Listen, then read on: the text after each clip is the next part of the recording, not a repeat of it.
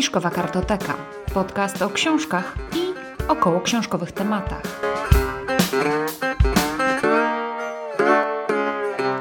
Cześć, ja jestem Monika, a ty słuchasz podcastu Fiszkowa Kartoteka. Niedawno skończyłam czytać książkę Po nie w czasie Wita Szostaka i chciałam Wam troszeczkę o tej książce opowiedzieć, a nawet zachęcić do jej przeczytania, bo mnie się ona podobała. Zdradzę na samym początku, nie będę Was trzymać w niepewności do samego końca tego podcastu. Podobała mi się, będę zachęcać, więc zapraszam do słuchania dalej. Zacznijmy od szczegółów. Wit Szostak, książka nosi tytuł Po nie w czasie. Została wydana w wydawnictwie Powergraph. Wydana została w ubiegłym roku w maju, czyli w 2019 roku w maju. E, na okładce, okładka mi się w ogóle bardzo podobała jeszcze zanim zaczęłam czytać tę książkę, jest grafika pani Urszuli Pągowskiej i po przeczytaniu tej książki ona nabrała dla mnie większego sensu, większego znaczenia, e, więc zwróćcie też uwagę na okładkę. Okładka jest w ogóle twarda, co też jest dużym plusem. Nie zaginają się rogi kartek, nie niszczy się tak bardzo jak um, książka w okładce miękkiej. Ale to są naprawdę bardzo drobne i nic nieznaczące może szczegóły, albo może niewiele znaczące szczegóły. Posłuchajcie, co na tyle okładki jest napisane o treści tej książki. Być może najgłębszym sensem powieści jest schodzenie do podziemi, gdzie kłębią się opowieści, lęki i przeczucia. Uchodzimy z miejsc, z historii, z pamięci.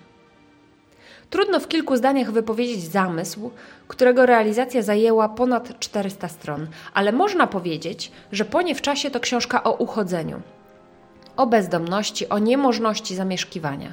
Uchodzimy z miejsc, z historii, z pamięci, z relacji, z życia – Uchodzi z nas życie, sens, wspomnienia, bliscy.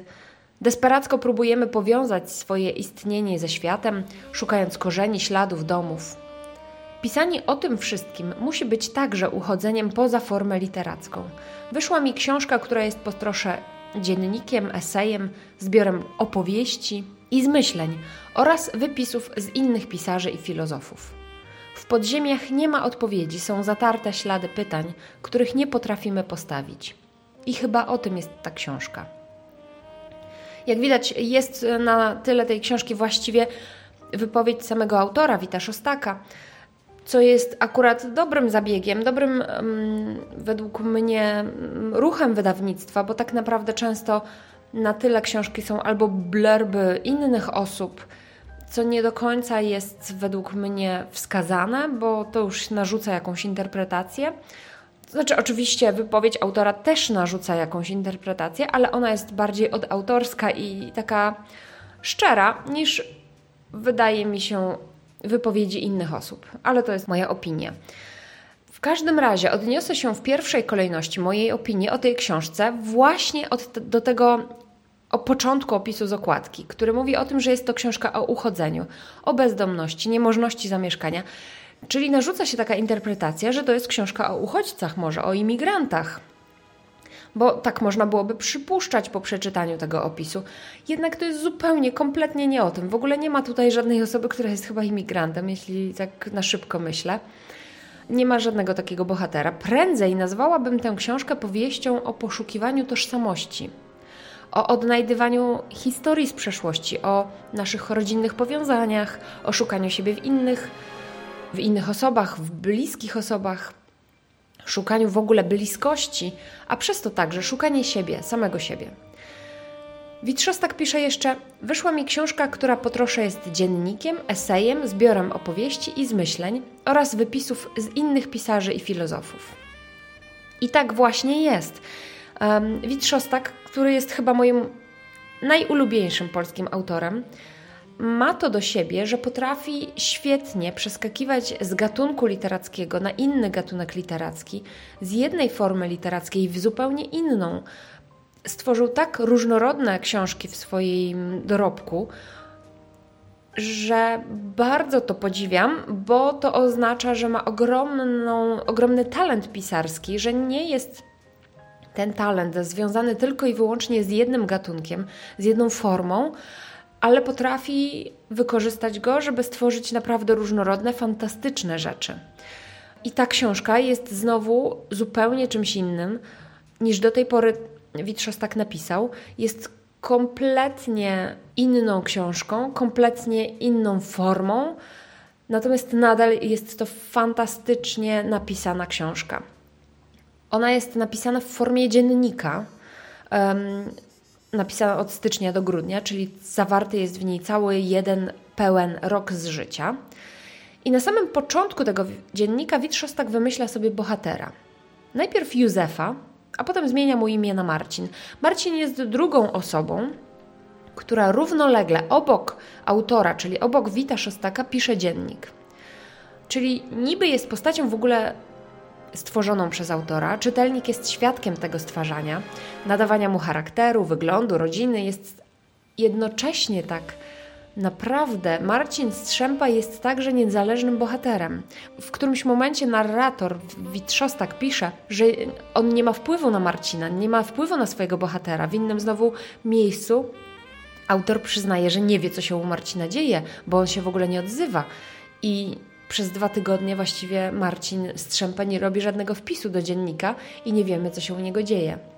To jest tak, jakby bohater stworzony przez autora na kartach tej książki, podczas szukania swojej tożsamości, swoich korzeni, na sam koniec zyskał suwerenność.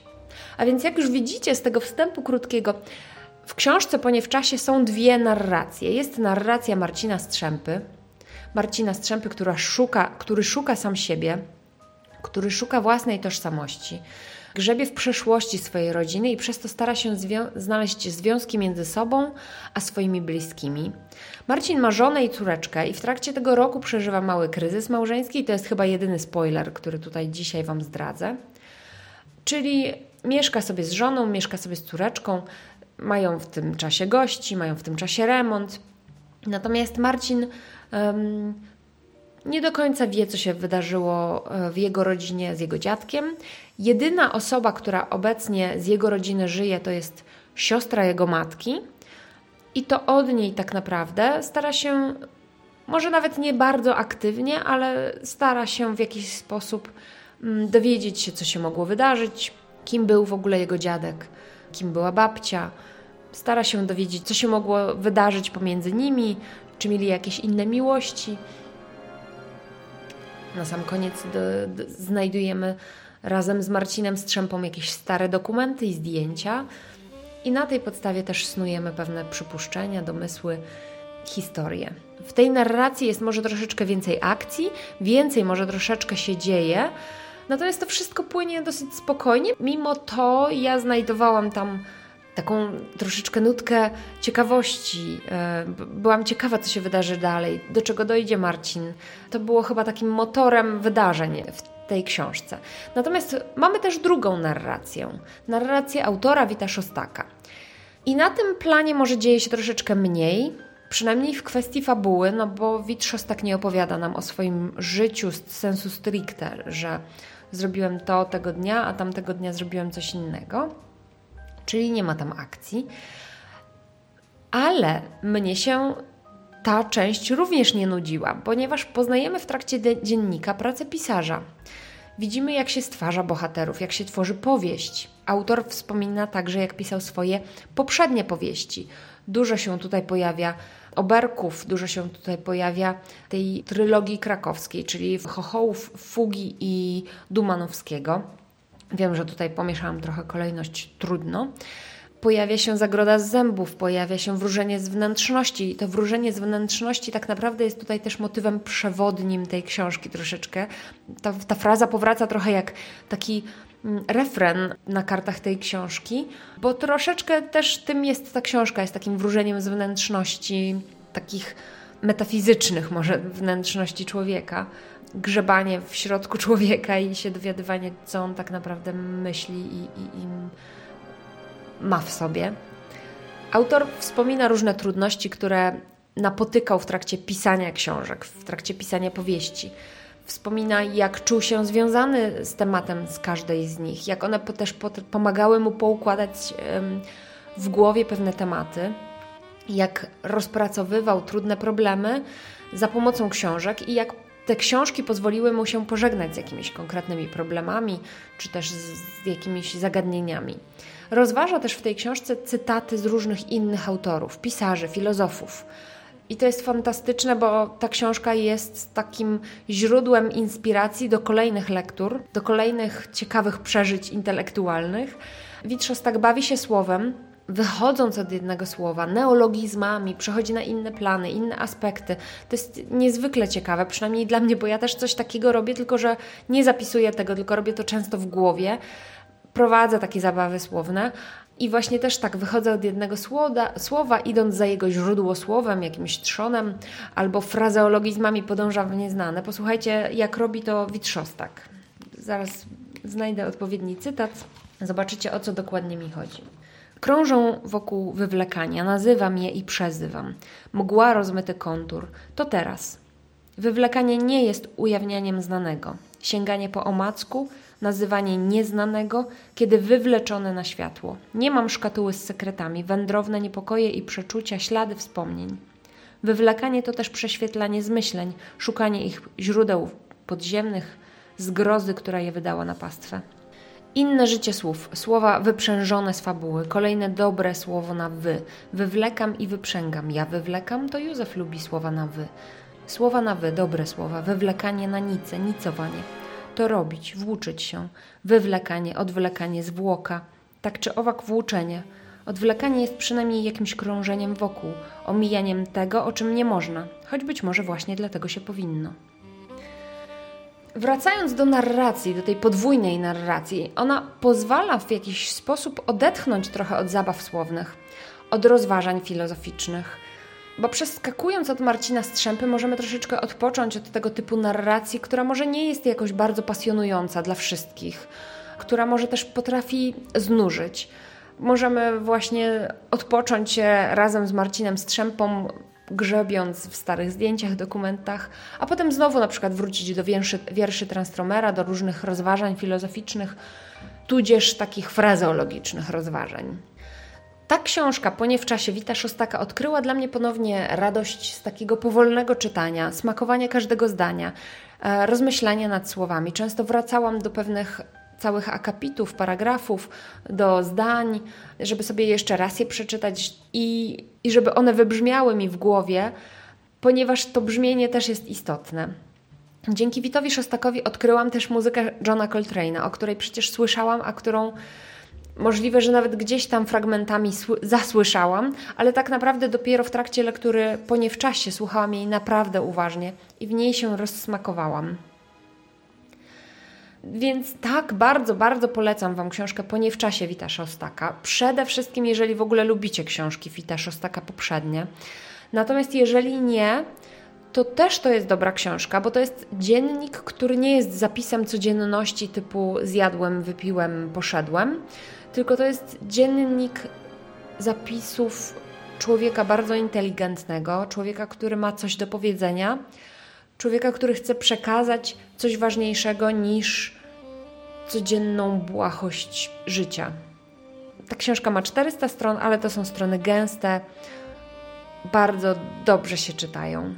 Ciekawa jestem, czy Wy w ogóle lubicie Wita Szostaka. Ja kiedyś tam jeszcze dawno temu wspominałam, że Wit Szostak jest moim ulubionym autorem polskim i że będę chciała zrobić osobny odcinek o Wicie Szostaku i o wszystkich jego książkach, które ja przeczytałam, ale stwierdziłam około pół roku temu, że do tego czasu chciałabym więcej książek Wita Szostaka przeczytać, więc ten odcinek ciągle jest w zawieszeniu. Ja już do niego pewne notatki stworzyłam. Ale tak, przede wszystkim chciałam właśnie przeczytać to po nie w czasie i po tej książce na pewno chcę jeszcze przeczytać przynajmniej chyba dwie albo i trzy nawet książki, żeby sobie nadrobić mm, książki poprzednie Wita Szostaka, których jeszcze nie czytałam. No i co? I, I, tyle. Jak po książce jestem bardzo zadowolona. Jedna, jedyna rzecz, która mnie zasmuciła troszkę, to taka, że Wit Szostak na samym końcu mówi, że kto wie, możliwe, że już więcej książek nie napisze, że możliwe, że skończyły mu się pomysły na książki. I mnie to troszeczkę zasmuciło, natomiast kiedy rozmawiałam troszkę o tym z moim mężem na ten temat właśnie, że możliwe, że już Witrzos tak nie napisze żadnej książki, to powiedział, ale czy to coś złego? przecież może gdyby miał napisać złą książkę, to może lepiej, żeby nie pisał. Poza tym napisał już na tyle dużo dobrych książek, że może faktycznie już czas przestać pisać książki. Tak czy inaczej, troszeczkę mi smutno, bo bardzo lubię prozę Wita Szostaka i bardzo dobrze mi się ona czyta.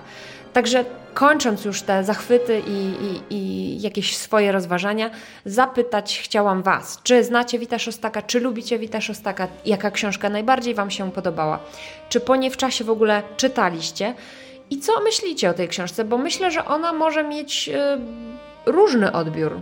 To znaczy, że ona wcale nie musi się bardzo wszystkim podobać, bo jest dosyć specyficzna. Ale dajcie znać, piszcie do mnie na adres mailowy fiszkowa.interia.pl, piszcie do mnie na Facebooku albo na Instagramie, gdzie jestem do znalezienia jako Fiszkowa Kartoteka. A ja tymczasem bardzo Wam dziękuję za wysłuchanie tego odcinka podcastu. Jeśli odcinek Wam się spodobał, a jeszcze nie subskrybujecie tego podcastu, to zachęcam do subskrypcji. W ten sposób żaden kolejny odcinek Was nie ominie. Zapraszam też do słuchania mojego drugiego podcastu Lubię Wiedzieć, bo tam mówię o różnych ciekawostkach naukowych. Dzięki jeszcze raz, cześć, papa, do następnego odcinka.